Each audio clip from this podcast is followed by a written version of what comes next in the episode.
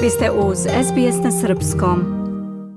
Ovogodišnji 66. po redu Međunarodni Beogradski sajam knjiga pod sloganom Živele knjige biće održan od 21. do 29. oktobra, a zemlja počasni gost je Francuska, najavili su organizatori na prošlonedeljnoj konferenciji za medije.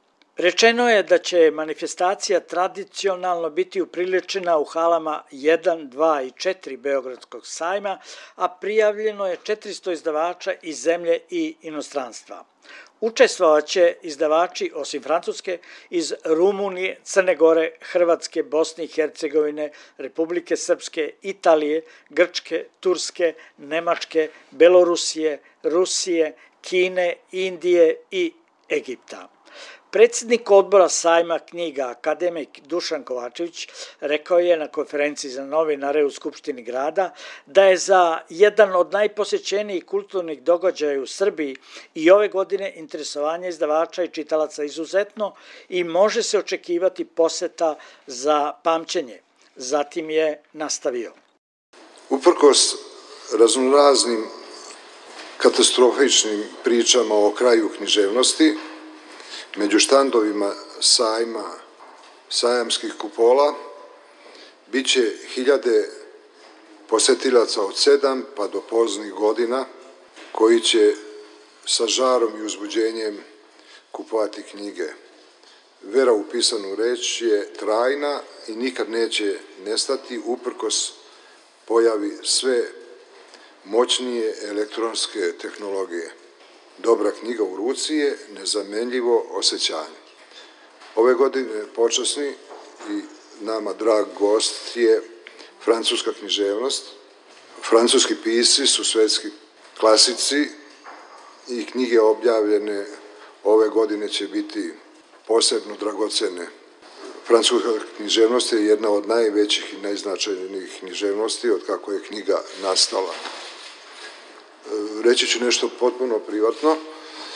U mom životu svet e, književnosti se promenio kada sam imao možda nekih 12 godina i kada sam prvi put pročitao e, Rablea i njegovu knjigu Gargantua i Pantagruel. Tako da je ta priča za mene od izuzetnog, izuzetnog značaja. Priča se o budućnosti sajma i planovima nekog novog sajamskog prostora. O tome ćemo razmišljati i razgovarati ozbiljno kad budemo nešto više i konkretnije znali, jer sajam knjiga je samo jedna od mnogobrojnih manifestacija pod krovom sajma. Savetnik za kulturu ambasade Francuske i direktor Francuskog instituta Stanislas Pierre istakao je da je njegova zemlja počastvovana što je gost na najvećoj srpskoj kulturnoj manifestaciji koja okupi i do 200.000 posetilaca. Potom je kazao. J'étais l'an dernier au Salon du Livre de Paris, qui attire énormément de jeunes à travers justement la BD, les mangas. J'observe le même phénomène ici en Serbie. I bio sam nedavno, u, gostovao sam na francuskom uh, sajmu knjiga u Parizu i video sam da strip uh, i manga um, privlače veliki broj uh, mlade publike. Alors nous sommes en train de finaliser notre stand français que je vous invite à découvrir le, le 21 octobre prochain. Vous verrez, vous ne serez pas déçus, ça sera quelque chose d'assez joli, d'assez parisien, d'assez Je ne vais pas déflorer le thème, mais ce sera un café. Voilà.